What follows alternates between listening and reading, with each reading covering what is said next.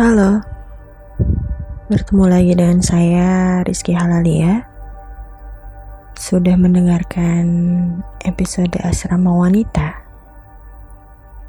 Kejadian itu sudah terjadi lebih dari 10 tahun yang lalu. Namun aku masih saja mengingatnya dengan jelas. Dan mengingat kembali kejadian yang kualami itu, membuatku pun teringat kejadian misterius rupa yang dialami oleh salah seorang temanku, Indana. Kebetulan kami berbeda asrama saat itu, tapi cukup dekat karena hanya bersebelahan. Dan kisah ini dia ceritakan saat kami bertemu kembali setelah kelulusan. Pada saat itu, di tahun pertama kami bersekolah di sekolah kami, dia menempati asrama yang sebenarnya adalah sebuah gedung kantor yang sudah dialihfungsikan menjadi asrama untuk kelas 1. Dari sekian banyak asrama sekolah kami, memang beberapa adalah bangunan kantor yang disulap sedemikian rupa sehingga layak digunakan sebagai tempat tinggal siswi atau asrama. Jujur aku hampir ditempatkan di sana. Di asrama tempat Indana ditempatkan. Namun entah mengapa aku dipindahkan ke asrama yang lain di sebelah asrama itu. Tepat di hari pertama kami masuk. Karena itu aku sempat ke sana untuk melihat-lihat. Kukira aku akan tinggal di sana untuk beberapa waktu jadi ku sempatkan untuk mampir. Saat ke sana, tidak dapat dipungkiri jika memang asrama itu lumayan memiliki kesan menyeramkan. Sebuah bangunan tua, besar, dan cukup gelap. Bahkan ada satu ruangan besar di bagian depan yang dijadikan gudang alat-alat peraga dan laboratorium. Asrama itu terdiri dari dua lantai, dan saat kita menaiki atau menuruni tangga yang menghubungkan lantai satu dan dua, kita akan berpapasan dengan pintu gudang di mana seluruh alat-alat peraga dan laboratorium itu tersimpan. Bahkan, kita dapat melihat adanya replika tengkorak di sana dari lubang ventilasi yang ada di atas daun pintu gudang tersebut. Bayangkan saja, replika tengkorak Bagaimana mungkin aku tidak bersyukur untuk dipindahkan dari asrama itu? Terbayang di otakku ketika malam hari, aku harus melewati tangga dan sengaja atau tidak melihat pemandangan itu. Mungkin aku akan berpikir itu adalah nyata. Dan ketakutan pastinya. Atau mungkin pingsan. Entahlah. Dari beberapa kamar yang ada, hanya ada satu kamar yang berada di lantai satu. Yang lain ada di lantai dua. Dan kebetulan kamar Indana, temanku itu, adalah salah satu dari beberapa kamar di lantai dua. Di kamar paling besar yang bisa menampung lebih dari 30 anak. 34 orang tepatnya kata Indana saat berkisah kepadaku. Kurasa ruangan itu mungkin semestinya dipergunakan sebagai aula gedung tersebut. Dulunya. Karena ruangan itu luas sekali. Sampai-sampai Indana menyebut kamarnya itu seperti bangsal kelas 3 di sebuah rumah sakit. Bedanya, mereka yang tinggal di sana sehat walafiat. Tapi tenang, Walaupun begitu keadaannya, pihak sekolah tetap menjaga kelayakan tempat tinggal siswinya kok. Jadi tidak seburuk itu juga. Semua masih dalam keadaan layak. Dari dari semua kamar, dari segi desain dan penataan, kamar Indana memiliki dua sisi yang berlawanan. Satu sisi menguntungkan, tapi juga merugikan di sisi yang lain.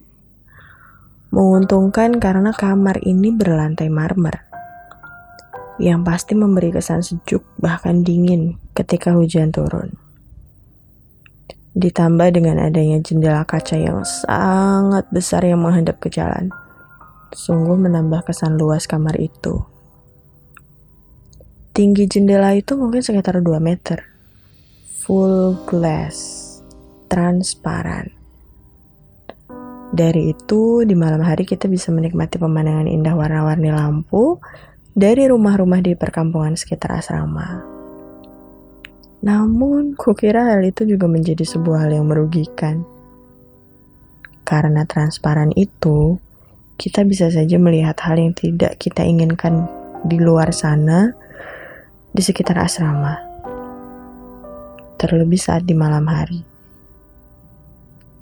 Dan satu hal yang cukup aneh, di sisi utara terdapat jendela-jendela kecil yang di bawahnya terdapat satu lorong. Tapi entah kenapa, tidak ada seorang pun yang menyambangi bahkan melewati lorong itu. Kata Indana temanku. Dia pun tidak tahu apa alasannya. Dan karena semua orang tidak melakukannya, maka ia pun tidak melakukannya. Hal selanjutnya yang cukup merugikan menurutku adalah seperti yang sudah kukatakan sebelumnya, bahwa asramaku terletak tepat di samping asrama Indana. Bahkan bisa dibilang berdempetan. Hal ini berakibat pada berkurangnya pencahayaan di asrama Indana. Terlebih di kamarnya. Karena salah satu sisi kamarnya berdempetan langsung dengan tembok asramaku. Hal ini berimbas pada terciptanya gradasi pencahayaan yang lebih gelap dari yang lain. Walaupun asrama Indana merupakan gedung kantor yang sudah dialihfungsikan, tapi tetap saja pihak sekolah berusaha melengkapinya dengan fasilitas yang sama, seperti asrama-asrama yang lain. Salah satunya musola. Musola adalah ruangan yang harus ada di setiap asrama. Karena di situ kami akan melakukan berbagai kegiatan mulai dari sholat berjamaah sampai pelajaran asrama yang biasanya diadakan lepas maghrib sampai Isya. Dan di asrama Indana ini, musola berada di belakang kamarnya. Dengan desain semi terbuka yang temboknya hanya mengelilingi berbentuk huruf U. Menghadap kiblat.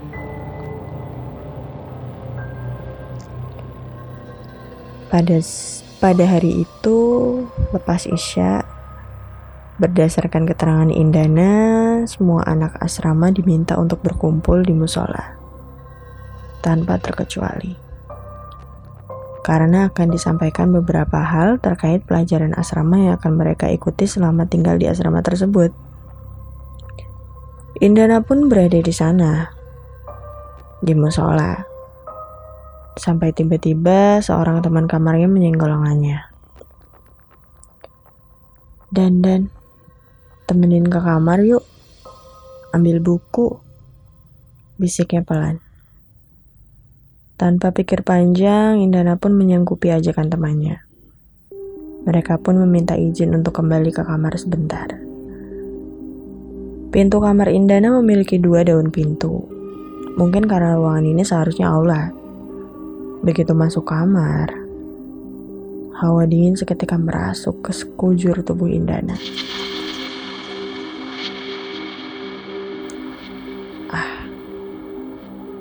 Paling karena kosong, gak ada orang. Efek lantai marmer juga kali ya. Terus lumayan tuh banyak angin yang masuk. Pikirnya saat itu dalam hati. Seperti yang sudah ku gambarkan, kondisi kamar Indana memiliki efek pencahayaan yang tidak merata akibat berdempetan dengan asramaku. Semakin menjauhi jendela besar, maka semakin remang pula pencahayaan di area itu. Ditambah dengan adanya banyak ranjang tingkat dengan jarak cukup dekat. Semakin menambah efek ngeri kurasa. Lebih-lebih di area dengan pencahayaan kurang. Pasti lebih gelap. Teman Indana saat itu, yang juga temanku, sebut saja dia Alia, memasuki kamar dan langsung menuju keranjangnya. Sementara Indana hanya berdiri di pintu seraya melihat-lihat situasi di luar asrama mereka melalui jendela besar yang ada di kamarnya itu. Kemudian ada hal aneh yang terlambat dia sadari saat itu. Di kaca jendela, terpantul jelas bayangan seorang wanita berambut panjang berbaju putih.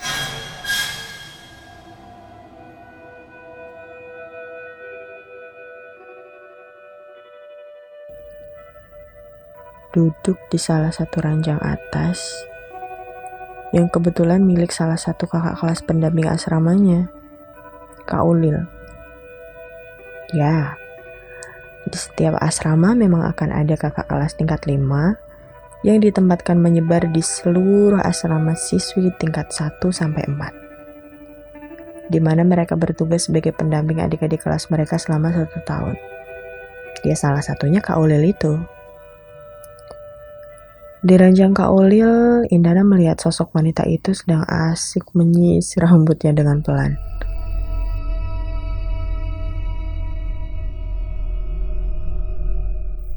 Rambutnya luar biasa panjang katanya. Membuat Indana tidak dapat melihat wajah wanita itu.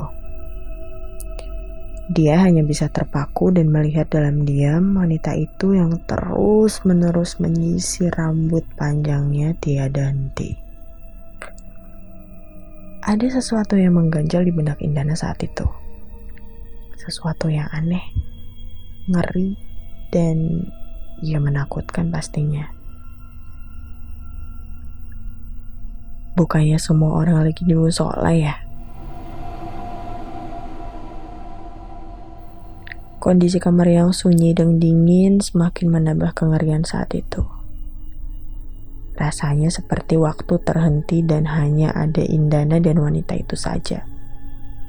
Dalam situasi itu, Indana sempat berhasrat untuk menyapa wanita itu.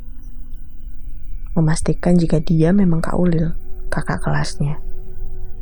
Mungkin Kak Ulil baru selesai mandi dan belum sempat ke musola. Bisa jadi kan? Saat Indana hampir menyapa wanita itu, tiba-tiba Alia datang kembali dari ranjangnya dengan sebuah buku di tangan. Udah Yunda nah, serem.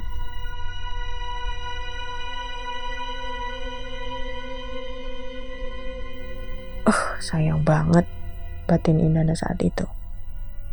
Dia masih saja penasaran.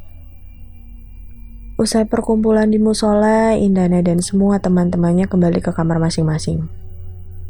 Begitu memasuki kamarnya, Indana melihat Kak Ulil dan teman-temannya berkerumun di dekat ranjangnya. Kak Ulil menggerutu dengan kesal pastinya. Berbicara tentang sesuatu tentang rambut. Ih, siapa sih nih? Mbok kalau mau naik ke bed orang tuh izin dan kira-kira. Udah nggak izin, ninggalin rambut yang panjangnya naudzubillah kayak gini. Lihat deh, ini tuh banyak banget loh. Udah banyak kotor pula.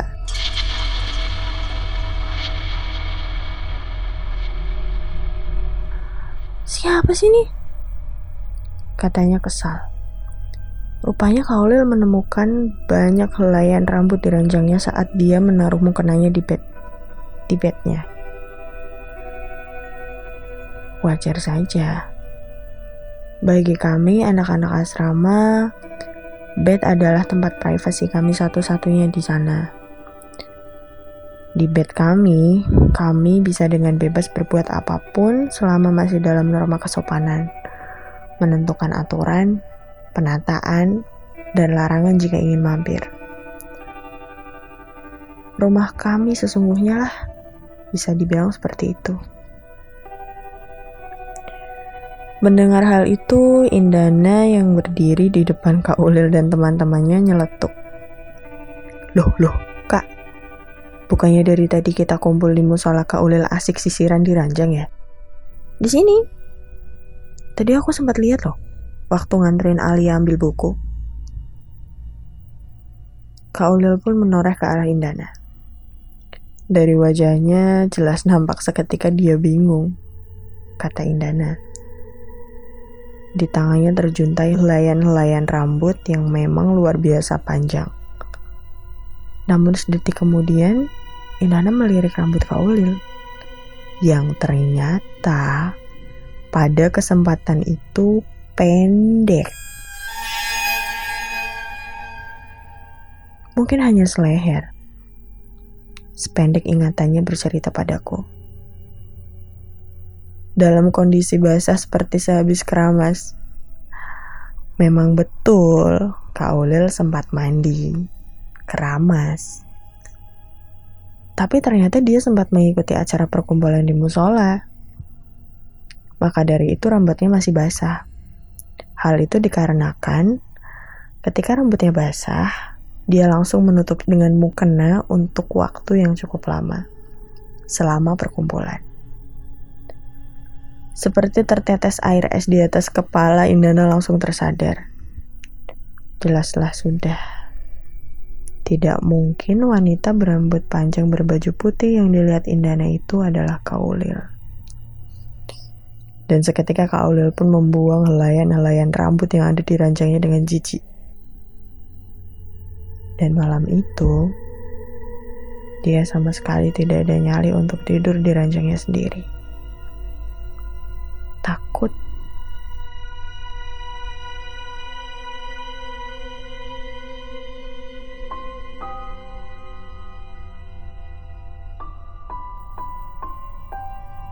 Lalu siapa kiranya wanita itu?